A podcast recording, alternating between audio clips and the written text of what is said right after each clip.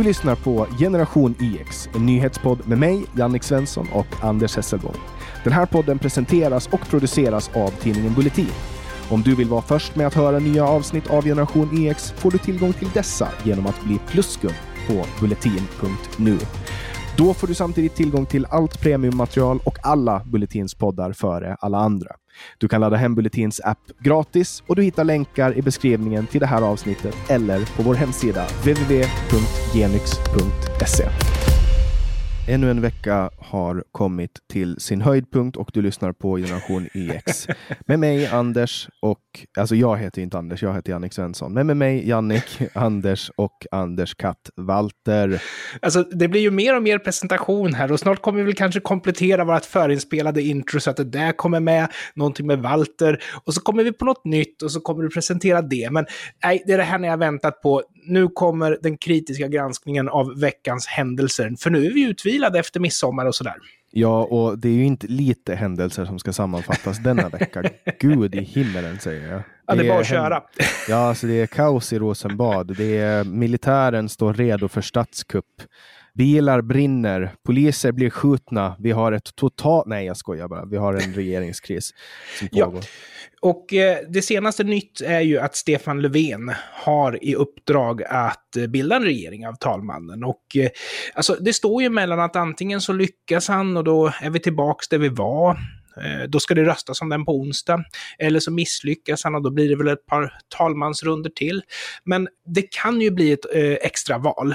Och skulle det bli det, då är ju frågan, vad tror du, handen på hjärtat, kan eh, borgerligheten, svensk borgerlighet, få ordning på Sverige. Misstolka mig inte nu, Sverige är ett jätteunderbart land och fantastiskt på många sätt. Men de problem vi faktiskt har, en borgerlig regering kapabel att reda ut dem. Inte på ett år i alla fall. Jag tror att det krävs mera än ett år för att kunna reda ut eh, sju år av katastrof som Stefan Löfven har orsakat. Den jag... borgerliga regeringen har ju antingen ett år fram till nästa val, eller så har de fyra år efter nästa val, eller i värsta fall, eller i bästa fall, beroende på hur man ser det, så har de ju fem år på sig från nu och fram till efter nästa val. Då. Men... Ja, eller fem, sex, sju, åtta, nio år på sig. Ja, ja det kan ju vara så att de vinner två val i rad, och det vore väl ganska intressant, för då borde ju effekten av deras politik ha slagit igenom. Men hur fixar man problemen med gängkriminalitet i Sverige? Jag vet inte. Alltså, det, det har gått så långt nu att en polis har blivit skjuten i Göteborg. Uh, mm. Och flaggor vajar på halvstång. Det här är liksom en av ja. dem. Det, det, är helt, det är helt, alltså vad är det som händer? Jag vaknade upp till den här nyheten i morse och eh, man fick liksom som en klump i magen. Och eh, det första man ser när man sitter och dricker sitt morgonkaffe och läser sin tidning och sen tar upp eh, telefonen för att titta på Twitter, det är hur vänsterns propagandaorgan, till exempel de här broderskapsrörelserna och alla de här, börjar med att trivialisera, relativisera och förminska det här problemet. Och det som gör det här så extra tragiskt, det var att bara för någon dag sedan så var det någon polischef i Malmö som sa att det är större risk att råka ut för en trafikolycka i Malmö än att bli rånad. Och liksom den relativiseringen och trivialiseringen av de problem som vi faktiskt har i Sverige var irriterande och det åldrades ju inte särskilt väl nu när en polis blir liksom kallblodigt mördad på öppen gata liksom. Nej, det är alltså jag, det, det, jag vet inte vad jag ska säga. Det är fruktansvärt att det, att det får gå så här långt och, och jag vill ju påstå att, att det är regeringen som är ansvariga för Polismyndigheten och för att se till att, att det här inte ska kunna hända. Och man har liksom inte tagit tag i det här. Alltså, Nej. Han var ju tidigt ute, eller tidigt, men Stefan Löfven var ju ute och sa att kanske man ska lägga in militären och så vidare. Han har ju verkligen visat att han är Alltså att de, att de, att de, de, de, de har i alla fall sagt att de bryr sig om det här, men nu när det här händer, vad ska man, alltså vad ska man tänka, vad ska man säga? Det, är liksom, det här ska ja. inte få hända. Och nu spekuleras det ju i, de håller ju på att utreda det här såklart, Men det spekuleras alltså i att eh, han var inte målet, polisen var inte målet för skjutningen. Det där kommer ju att visa sig, men eh, jag tror att det inte är helt orimligt att tänka att polisen var målet just för att han såg ut som en polis. Men även om polisen blev skjuten av misstag, man var på jakt efter någon annan, så är ju det en tragedi i alla fall. Har du ett jobb där du riskerar att bli skjuten för att någon som rör sig på ditt jobb hade tänkt att skjuta någon annan, så är det alltså det, not helping om jag säger så. Det känns ju inte mycket bättre helt plötsligt. Nej, jag vet inte vad, vad, jag, vet inte vad jag vet inte vad jag ska säga. Det är så, alltså, man är ju inte ovan med att det kommer sådana här brutala mord och så vidare i Sverige, men, men, att, men att det är en polis som blir skjuten i tjänst, det är, jag vet inte vad jag ska... Men du vet att kriminaliteten, den sträcker sig... oh, ursäkta. Den sträcker sig ända in i svensk riksdag. Ute på gatorna i Göteborg så skjuter folk ihjäl poliser och Hanif Bali, minsann, är polisanmäld för mutbrott. Kände du till den här storyn, eller? Nej, berätta. Han erbjöd sig att sponsra Centerpartiets valkampanj. Oj. Och det var ju naturligtvis mot att eh, Centern gick tillbaks till Alliansen. Och eh, han blev polisanmäld för mutbrott, för detta är alltså inte tillåtet. Och eh, jag ska ju säga att när vänstern bryr sig om rätt och fel, tror du att det är när en polis blir nedskjuten? Uh, nej. Det är när Hanif Bali begår mutbrott, eller misstänkt i alla fall. Mm. jag ska ju säga han är inte dömd, så jag ska inte sitta här och förtala Hanif Bali, men han är misstänkt för det. Men förstår inte folk att han skojar? jag tror inte att det här var ett skämt, utan jag tror att det här var ett resonemang som han förde helt öppet som skulle kunna ha blivit verklighet om inte någon hade sagt hör du, eh, det där är olagligt. Däremot med det sagt så tycker jag att det här är ju så pass trivialt och så pass skämtsamt gjort att jag kunde se mellan fingrarna på det. Liksom, jag hade inte brytt mig, men jag är inte så säker på att det var ett skämt, utan jag tror bara att det var med en humoristisk ton, en plan som faktiskt grodde i hans huvud. Det är vad jag tror. Mm. Ja, svårt att säga vad det Men spelar roll. Jag menar, världen går inte under för en sån sak. Nej. Det är inte Nej. så att man blir en elak människa för att man har gjort så här, utan förmodligen så har han gjort så här för att han inte hade koll. Liksom. Och han är ju mer påläst än de flesta som bor i det här landet, så att det finns någonting här och där som inte Hanif Bali har koll på. Ja, alltså det känns nästan lite befriande. Han visar ju att han är mänsklig i alla fall. Vad var den exakta tweeten då? Den exakta tweeten har jag inte framför mig, men han erbjöd sig att ge pengar till Centerpartiets valkampanj. Och eh, det var formulerat på ett sånt sätt att det var lite skämtsamt, men jag skulle inte heller avfärda det som ett skämt, utan jag skulle snarare säga att det var liksom en lekmän-idé där. Mm. Eh, Hanif Bali är ju otroligt klipsk och det har jag fått uppleva i verkligheten också. Jag ja. har träffat honom och sen har jag spelat in podd med honom. Och han är, han är väldigt snabbtänkt, han är väldigt skarp. Eh, så att det, det stämmer det du säger. Ja, alltså det råder inga tvivel om det. De som har hört honom tala, eller de som har lyssnat på hans podcast, det råder inga tvivel om att han är väldigt kunnig och väldigt intelligent. Men kanske inte helt felfri då. Vi får väl se vad utfallet av den här anmälan blir. Låt den utan synd kasta första stenen, Anders. Exakt. Men sen så har vi också fler i riksdagen än Hanif Bali. Vi har ju Annie Lööf och jag tänker att det var ju ett tag sedan vi diskuterade hennes sko och den har ju varit på tapeten i ganska många år nu. Så ska vi ta en liten uppdatering om vad som har hänt med hennes sko? Ja, eh, som jag minns det så började det väl med att hon sa att hon hellre äter upp sin högra sko än att bli ett stödhjul åt Socialdemokraterna. Ja, ordagrant så sa hon så i Expressen år 2013 och eh, det här var med anledning av hur ett eventuellt valresultat 2014 skulle kunna användas. Och budskapet som hon hade här, det var att eh, hon är en del av Alliansen, Centerpartiet. Och eh, med anledning av riksdagsvalet 2014, när det här precis var nyexekverat, då säger hon personligen i TV4 att eh, jo då, det är hon som har sagt det här och eh, hon står för det och det var lite käckt. Hon förminskade en aning genom att säga att hon var ganska trött på journalisters frågor om om man skulle kunna tänka sig att stötta Socialdemokraterna. Så hon tyckte att det var liksom en, ett bra målande sätt att säga nej en gång för alla. Men 2018 så väljer de ju då att bli stödhjul åt Socialdemokraterna och då är det klart. det börjar ju redan före 2018. Det börjar ju med decemberöverenskommelsen. Helt rätt. Och det man kan göra om man är en något sån här anständig människa då, det är att säga jag har ändrat mig, eller vi har våra skäl, eller vad det nu kan vara för någonting. Vi har varit naiva. Vi har varit naiva, kunde hon säga. Och sen så vill jag också säga till hennes försvar att hon har ju faktiskt också sagt att eh, hon anser sig ha sina skäl. Men det hon nu har sagt, det är att hon har inte sagt att hon ska äta upp sin sko, utan det här var en medarbetare till henne som hade sagt på hennes begäran då så hade det sagts och det hade kommit in i Expressen som ett citat från henne. Vilket man kan tycka då är någonting hon stod för eftersom hon har ju fått frågor om det här och fått chansen att dementera det. Och det spelar ju ingen roll för sakfrågan om det är så att det är en medarbetare som har sagt det här åt henne eller om hon har sagt det själv. När hon vet om att hon, inom citat, har sagt det och när hon har bekräftat att hon står för det. Då är det en teknikalitet att det är en medarbetare som har sagt det. Fan vad smidigt att ha medarbetare som man kan skylla på om man ändrar sig eller ångrar sig.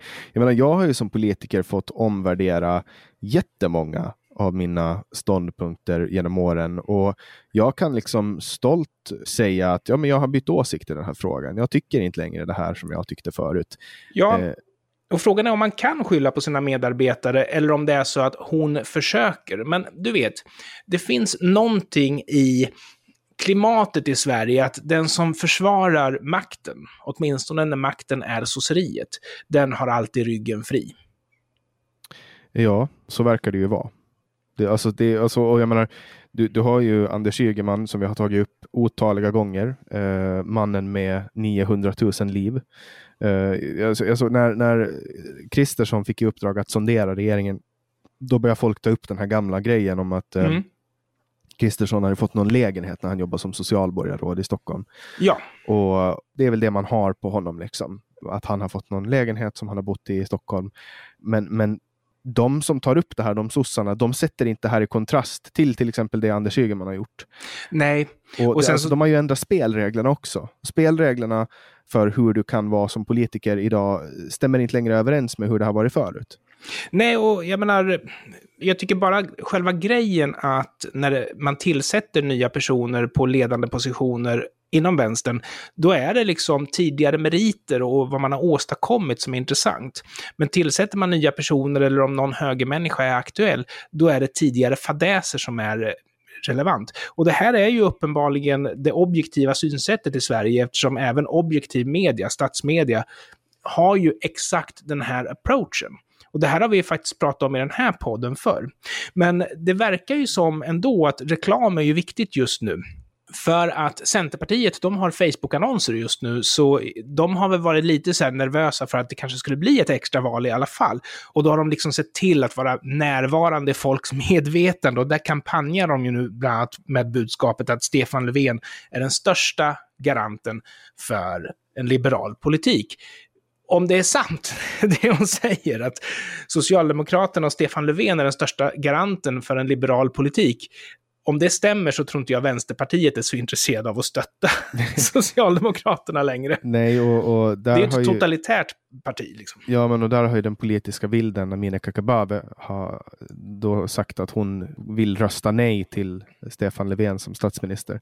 Och det är ju, det är ju eh, ryggrad, får jag säga. Hon har varit med i samtal också. Ja, men hon är ju en person som har skinn på näsan. Hon har ju vågat gå sin egen väg. Hon är engagerad inom humanisterna också kan jag säga. Så hon står på min vänlista ska jag säga. Henne gillar jag. Hon har sagt att hon inte vill släppa fram en regering eh, som behöver stöd av SD, men hon har också sagt att hon inte vill ha eh, Stefan Löfven som statsminister. Så det är ju lite mm. moment eh, 22. Av det ja, det är en svår situation. Och eh, apropå politik och apropå Malmö så kommer du väl kanske ihåg Frida Trollmyr.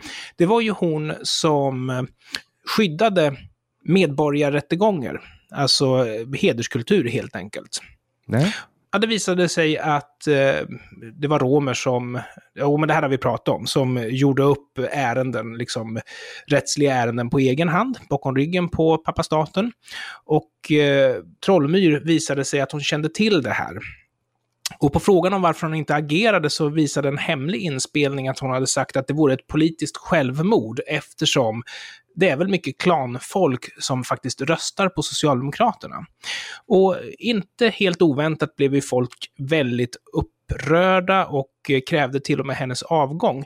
Men partistyrelsen säger att hon har agerat rätt. Att skydda klansamhället för att rädda makten är ett korrekt sätt att agera enligt socialdemokratin. Det märks att det snart är dags för val, eller vad säger du? Ja, verkligen. Och extraval eller ordinarie val, vad vi än snackar om, så är ju den här sprickan mellan Centern och eh, Moderaterna ännu större. Fördelen med att gå in i det här valet som det är nu, det är ju att man vet var Centern står. Och här har man ju, nu har ju de varit och hållit på munhuggits. alltså, Ulf Kristersson menar att, eh, att han har kontaktat Annie Lööf när han eh, liksom då skulle få bilda en regering. Men hon säger att eh, Annie Lööf då, att de inte har varit i kontakt och så vidare. och Så vidare. Så det är lite intressant och det är bråk på så många olika fronter nu så att jag tror att det här enda sättet man kan lösa det här är genom extraval. Det vore bra, för då har man ju förnyat folkets mandat och då har man ju en ny utgångspunkt, en färskare liksom förtroendegrund att jobba på. Och dessutom så tror ju jag att eh, mandatfördelningen kommer att se lite grann annorlunda ut om det är så att vi har ett val till. Och det innebär ju att vi kanske har nya förutsättningar för att lösa den här liksom ganska döda och låsta situationen. Därför att det verkar ju som att Sverigedemokraterna har klättrat en aning, Moderaterna har klättrat en aning och eh, Miljöpartiet och Socialdemokraterna har tappat en aning. Vi har åtminstone ett parti som förmodligen kommer att åka ur riksdagen om ingenting drastiskt händer, nämligen Liberalerna. Vi har ett annat parti som kanske åker ur riksdagen, nämligen eh, Miljöpartiet. Så det är ju läge att kanske uppdatera var vi står. Men du vet, det är mitt i en pandemi och då måste demokratin stryka lite grann på foten antar jag. Mm. Men du, vi måste fortsätta prata politik, är det okej? Okay? Ja, men det är väl klart. Den här podden ja. handlar ju nästan bara om, om ja, det är ju faktiskt lite gärna så. För du känner ju till landsbygdsminister Jenny Nilsson. Ja, inte före hon blev känd för att ha sagt upp sig från sitt uppdrag bara för att kunna trycka på en knapp. Det är väl hennes största politiska bragd. Lite grann samma här. Och anledningen till att hon behöver säga upp sig för att kunna trycka på den här knappen, det är för att Sara Heikkinen Breitholtz innehar den här platsen. Men hon var ju misstänkt för grov rattfylla och den här misstanken eh, som hon hade hängande över sig gjorde att hon blev sjukskriven. Och det i sin tur innebar ju att hon var, kunde inte närvara på förtroendeomröstningen och stötta regeringen. Och då för att säkra hennes plats då sparkar man Sara Heineken och sen så skickar man in Jenny Nilsson istället då för att verkligen liksom svårt trycka på den här knappen till Socialdemokraternas eh, räkning. Och precis efter att hon har sagt upp sig, då frias misstankarna mot Sara Heikkinen. Så hon har sagt upp sig i onödan, men Visst, då har ju åtminstone Sara Heikkinen blivit arbetslös, men jag vet inte om det är någonting att vara speciellt glad för. Men Jenny Nilsson, hon har helt klart sagt upp sig i onödan. Det blir ja, lite grann som ett man... avsnitt av Dallas, tycker jo, du inte det? Vad gör man inte för laget? Det där är ju alltså... Eh, det är det är sådär de funkar. Du vet, de, ja. de tar en kula för varandra och det var ju det, det, var ju det Ygeman gjorde. Han tog en kula för Socialdemokraterna och regeringen som höll på att falla då redan ja. sommaren före midsommar 2017. Händelsen eh. som vi kallar det så fint. Ja, och, eh, och, den... och, det går vi inte in på mer än så, utan vi stannar där vi kallar det för händelsen. Ja, händelsen. Eh, alltså skandalen som, som då media kallar den. Det men, det visar ju, ja, men det visar sig alltså att, att det lönar sig att ta en kula för Socialdemokraterna. Man blir alltid, de har alltid din rygg. Liksom. Ja, precis som eh, statsmedia alltid har din rygg om du är socialdemokrat. Mm. Det är ju när situationen blir ohållbar, när den inte går att rädda upp. Ja, men anledningen till att eh, SVT kampanjade så hårt för Socialdemokraterna före misstroendeomröstningen är ju för att då fanns ju åtminstone en chans att rädda partiet. Liksom. Och det vill ju inte statsmedia missa, den chansen. Mm. Ja, nej men så är det. Och, och jag menar, före vi hoppar tillbaka till politik så tänker jag att vi kan prata lite om Vetlanda-dådet. Eh, man har nu kommit fram till genom en rättspsykiatrisk undersökning att knivmannen inte lider av en allvarlig psykisk störning, åtminstone Mm. vid händelsen. Dådet skedde då den 3 mars och det var sju fall av mordförsök som genomfördes då med Oj. kniv. Eh, en av många, många våldsamheter som drar över Sverige nu och jag vill inte låta alarmistisk, men nu gör jag det. Men alltså, man måste ju... Det, det första steget för att komma till en lösning på ett problem, det är ju att erkänna ett problem. Och så långt i bearbetningen har ju inte vår regering kommit än eftersom deras hantlangare fortfarande är på relativiseringsfasen. Jag menar inte minst Broderskapsrörelsen, de, de jobbar ju 17 övertid nu idag för att skicka ut trivialiserande budskap om den här tragiska händelsen i Göteborg. Men eh, om jag bara får slänga in en annan grej då, för att ta din moral på pulsen. Bill Cosby är en fri man. Vad säger du om det? Eh, oklart. Alltså, jag vet inte vad jag ska säga. Jag, jag, har, jag är inte ens inläst på fallet Bill Cosby, så du får gärna sammanfatta det och sen också berätta vad du tycker. Och sen går vi vidare för att jag har ingenting att säga. Ja, men I och med att det här var en så pass stor del av eh, min uppväxt, eh, The Cosby Show och alltihopa det där. På 80-talet så var han ju liksom komedikungen. Det var snäll komedi, Seinfeld före Seinfeld, fast liksom i en familjesituation. Så vi levde ju med honom. Och framförallt, det han bidrog med var ju i Sverige så skapade han en bild av att svarta personer är fullvärdiga medborgare i även USA i och med att han var ju en framgångsrik läkare och han var gift med en framgångsrik yrkeskvinna, han hade välartade barn och problemen som de löste på ett komiskt sätt inom familjen var ju väldigt triviala, det var väldigt alldagliga. Ska jag få gå på den här konserten eller hur ska jag träffa en kille och oj vad de busar med varandra och tokigt och sådär. Sen visade det sig ju att eh, han utnyttjade sin situation, Bill Cosby, genom att eh, helt enkelt utnyttja kvinnor i hans närhet sexuellt. Och är det så att du är en framstående mediaperson så är det inga problem. Liksom. Då kan du appellera till folks fåfänga och få dem att gå med på vad som helst.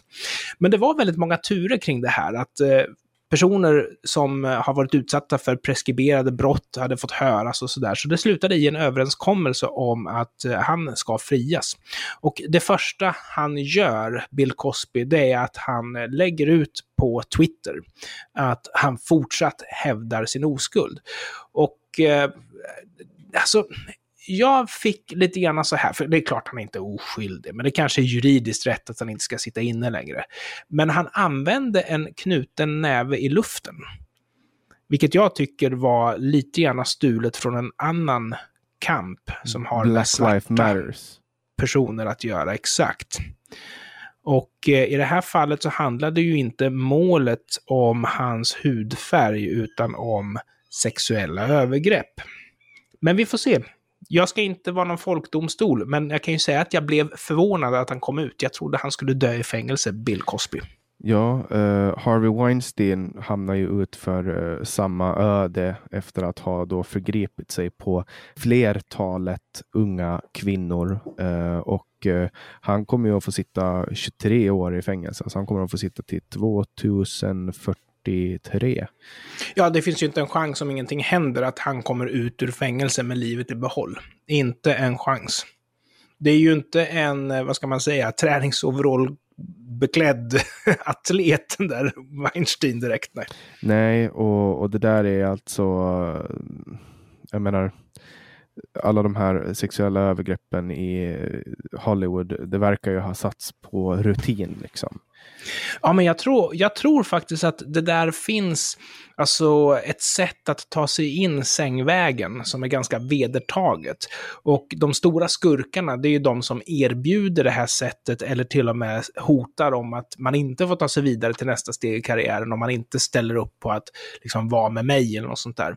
Så det verkar som att eh, Hollywood är en så pass viktig spelare ur aktörernas karriärsaspekt. Så att de går med på det mesta, fast de egentligen kanske inte vill.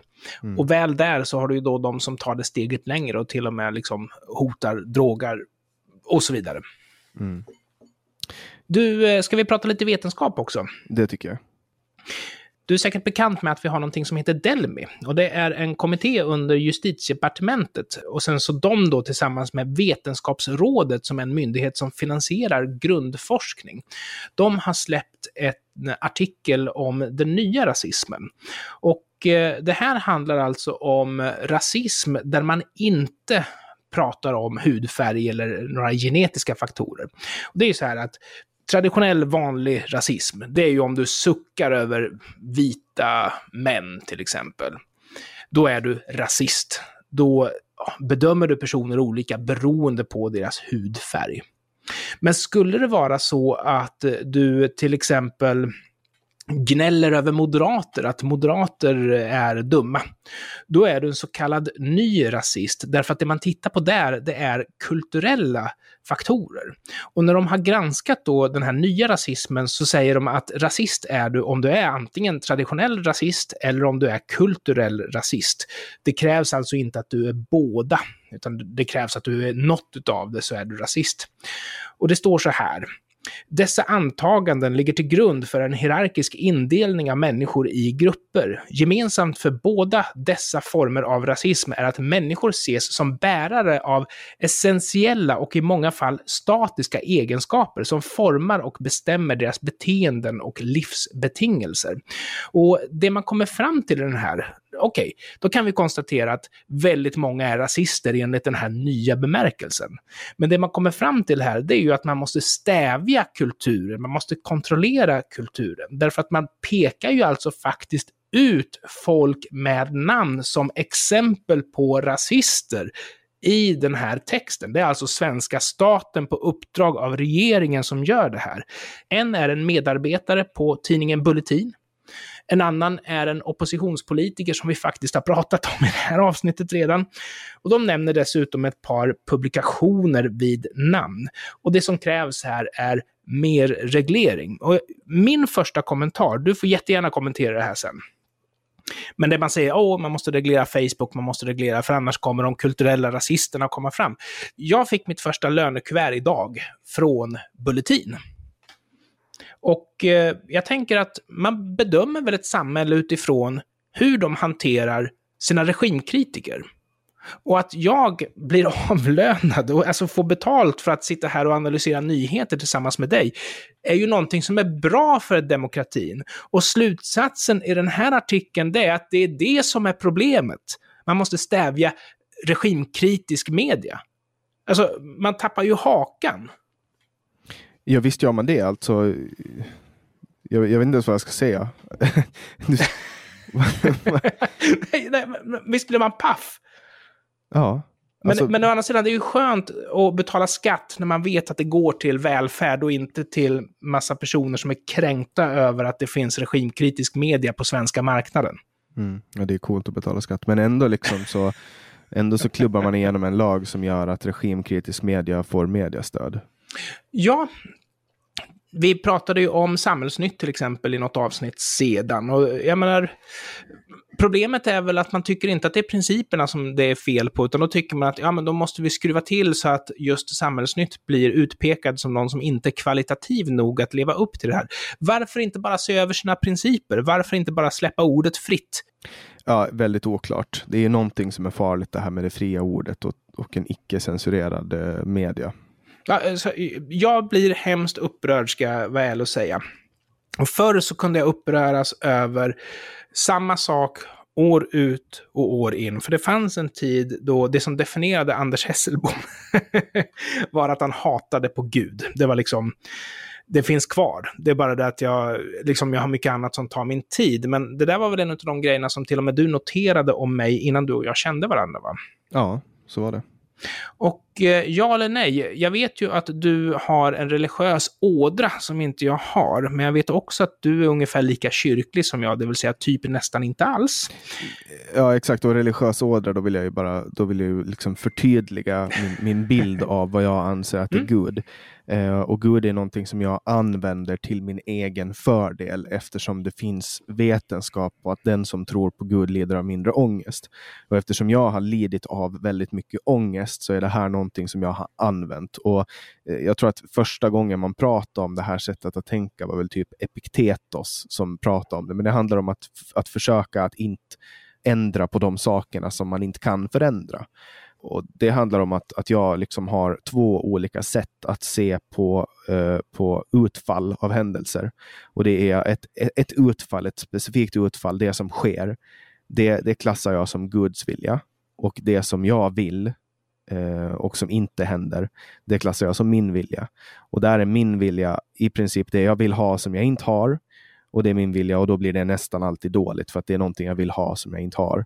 Medan det som händer är Guds vilja. Alltså händer det någonting, ja nu fick jag punktering på bilen, ja men det var Guds vilja. Och då skyller jag på Gud. Och det här är ett sätt för mig att, du vet, bara kunna skaka av mig någonting. Det är väldigt enkelt att bara skaka på huvudet och skylla, eller skaka på axlarna och skylla på Gud. Det finns någonting som gör att vi inte gräver djupare i det här. Det ena är väl, för du har ju nämnt ungefär det här, kanske inte fullt så här utvecklat förr, men du har nämnt det här förr. Och jag tänker alltid att det här ska vi gå till botten med som de kvalificerade filosofiska tänkande människor vi trots allt är. Men samtidigt är det så att anledningen till att jag inte riktigt vill hugga på det här, det är ju att du har ju hängt upp ditt liv på en modell som funkar för dig för ditt välmående. Ska jag då sitta och riva ner det där då? Nej men alltså, så här, du får kritisera det hur mycket du vill. Jag har ju valt att prata om det. Jag kommer fortfarande ja, inte ja, men då så. Då kanske vi tar den en gång. För varenda gång som du liksom eh, utvecklar det här och du gjorde det lite extra den här gången så tänker jag att det här är intressant. Jag satt i eh, P1 i Människor och tro för ett tag sedan och föreslog att Scan skulle kunna vända sig till svenska grundskolan för att göra reklam och sälja julskinka. Det föll inte i god jord. Men programmet som jag satt i handlade om huruvida skolavslutningar i kyrkan ska vara okej okay eller, eller inte. Och den här debatten har ju återkommit från år till år. Jag tror inte den har tagit fart varje år, men frikyrkan vill ju gärna ha igång den därför att de får publicitet och humanisterna vill gärna ha igång den för de får publicitet även om det finns de inom humanisterna som förfäras över att vi fokuserar på fel saker. Men eh, jag kan ju säga som så att jag är motståndare generellt. Därför att argumenten för att man ska sitta i skolan på en skolavslutning, jag menar, när jag gick i skolan så råkade jag gå i en kristen kommunal skola på lågstadiet och det är klart, då gick man ju i kyrkan, i Adolfsbergskyrkan satt jag varje skolavslutning då. Men eh, sen på högstadiet så gick jag i en sekulär kommunal skola, nya Adolfsbergsskolan. Och då klädde de in eh, gymnastiksalen i eh, björkar och sen så hade de lite sånger och lite underhållning där och sådär. Och prästerna de vill ju gärna ha dit eh, eleverna, därför att get them while they're young, om det är så att du presenterar tanken på Gud och evigheten för en mentalt vuxen människa så är ju risken att du blir ganska så hånad. Så det är barnen man vill åt liksom. Och eh, skolan de tycker att lokalerna är fina och vill gärna vara där. Prästerna säger att vi har inga skäl att upprätthålla några lokaler till er om inte vi får ha en präst där som propagerar och säljer in eh, budskapet. Och regeringens lösning på det här hittills, det har varit att man skiljer på undervisning och utbildning, där man säger att undervisningen får vara teokratisk och eh, religiöst driven, medan utbildningen inte får vara det. Och min stora invändning, det är att när en auktoritet står inför skolbarnen och säger saker, så hur ska eleverna veta vad som sägs under epitetet utbildning och vad som sägs under epitetet undervisning. De har ingen chans att hålla isär det här. Så det Socialdemokraterna har gjort, det är att de har bjudit ett loophole. Jag tycker liksom, håll isär kommunen och eh, kyrkan du har ju massor med indoktrineringsmöjligheter för barn även om man plockar bort skolan därifrån. Du har kyrkans barntimmar, du har söndagsskolan, du har konfirmationsutbildning, du kan ta med dig dina egna ungar till kyrkan hur ofta du vill, liksom det står dig fritt. Varför måste skolan vara en del av medlemsrekryteringsmekanismen för Svenska kyrkan. Jag kan inte begripa det. Eh, jag tycker inte att det är någonting kontroversiellt i och med att vi lever i ett land som är kristet i grund och botten. Att man firar vissa delar av skolan i en kyrka, det stör inte mig. Alltså det är kanske att man ändrar det i mm. framtiden, men alltså så här, jag bryr mig inte egentligen. Jag, jag hade inga problem att se skillnad när jag var ett barn på, på sagor, det vill säga Bibeln och verklighet. Man fattar, man fattar, de höll på att prata om mm. gubbar som levde för tusentals år sedan. Liksom. Men frågan är, har du möjlighet att se skillnad på, som ett barn, ett falskt påstående till kristendomens favör när det gäller deras inflytande och påverkan på samhället? Det är ju ja. det som, alltså, vi att läste, Bibeln vi... som urkund är en lögn, det förstår ett barn. Jo, men, men däremot kyrkans roll i samhället, där man redan inför vuxna har lyckats sälja in en förljugen bild, ska barn klara slå sönder den. När jag var, typ, när jag gick i femman, hur gammal är man då? 12? 11, 12, 4, 5 så läste vi om svenska kungar i skolan. Jag minns inte. Allt jag kan om svenska kungar har jag lärt mig på, på vuxen ålder. Alltså, jag tror att det där är en sån liten parentes i, i en, ett barns uppväxt. Att det där liksom inte... Ja, men jag håller med. Och dessutom är det så här att det man kommer ihåg som, från skolan som faktiskt inte är sant, det blir ju extra intressant att ta reda på hur det verkligen är när man är vuxen. Så jag ser inte det där som ett problem, utan jag ser det som en princip. Mm. Samtidigt så måste jag ju säga att jag blev ju en, en, fungerande vuxen människa trots att jag kommer från ett religiöst hem och trots att jag gått i en religiös skola och sådär. Men risken är ju att om man inte är intresserad av ämnet att det blir lite väl slentriant. Och det finns ju en princip, därför att numera så har du ju även liksom du har ju vissa som är muslimer och sånt där. Ortodoxa aktiva muslimer får ju inte gå i kyrkan och fira ceremonier. De får gå i kyrkan för att studera kristen kultur, men inte av något annat skäl. Men det är klart, de kanske är så få så att de kan vi liksom strunta i. Och där är ju en lösning Eh, ifrån eh, statens sida, att man säger att ja, men deltagandet i eh, ceremonierna i kyrkan ska vara frivilliga. Men det bryter ju mot grundlagen att om det är så att mina barn inte får närvara på de frivilliga aktiviteterna, då hänger jag ju ut både deras och min konfessionella tro, liksom att de kanske är muslimer eller de kanske är sekulära, de kanske inte är kristna. Om alla utom en ska gå och den sista ska vara hemma för att det är frivilligt, då har man ju blivit uthängd skulle jag säga. Ja, men det, den uthängningen har jag sett ske i skolor. Som jag har gått i. Liksom. Jag hade en god vän som växte upp i en katolsk eh, by i Schweiz och hon gick ju på en eh, nunneskola såklart. Och hennes föräldrar de var notoriska ateister. Och Eh, för hennes del så blev det så att under kristendomsundervisningen, för där är det ju inte så att man skolas i kristendom, utan man skolas ju till att bli en god kristen. Då fick hon sitta i korridoren. Och eh, alltså jag tycker liksom, nej, det är nästan bättre att man låter staten vara ett rekryteringsorgan för kyrkan än att hänga ut barn till sekulära, skulle jag säga. Mm. Och jag tror att vi kommer att sätta punkt för dagens avsnitt av generation YX med det, eller hur Anders?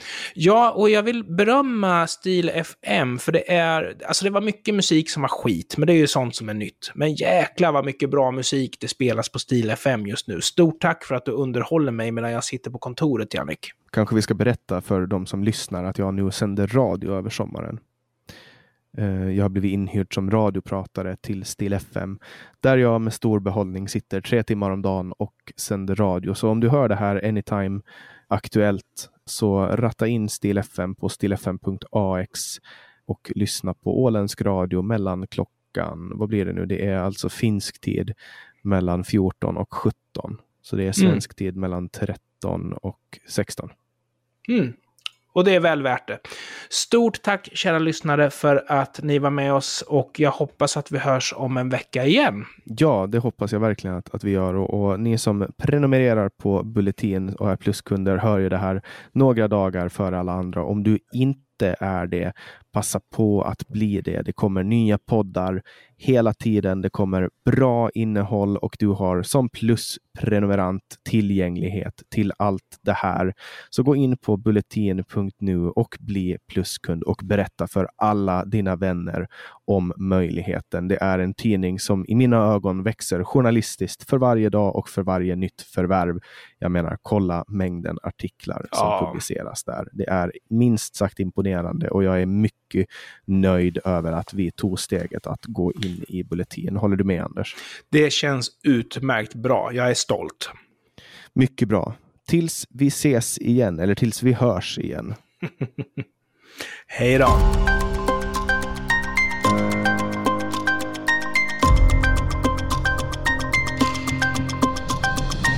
Du lyssnar på Generation IX, en nyhetspodd med mig, Jannik Svensson och Anders Hesselborg. Den här podden presenteras och produceras av tidningen Bulletin. Om du vill vara först med att höra nya avsnitt av Generation EX får du tillgång till dessa genom att bli pluskund på bulletin.nu.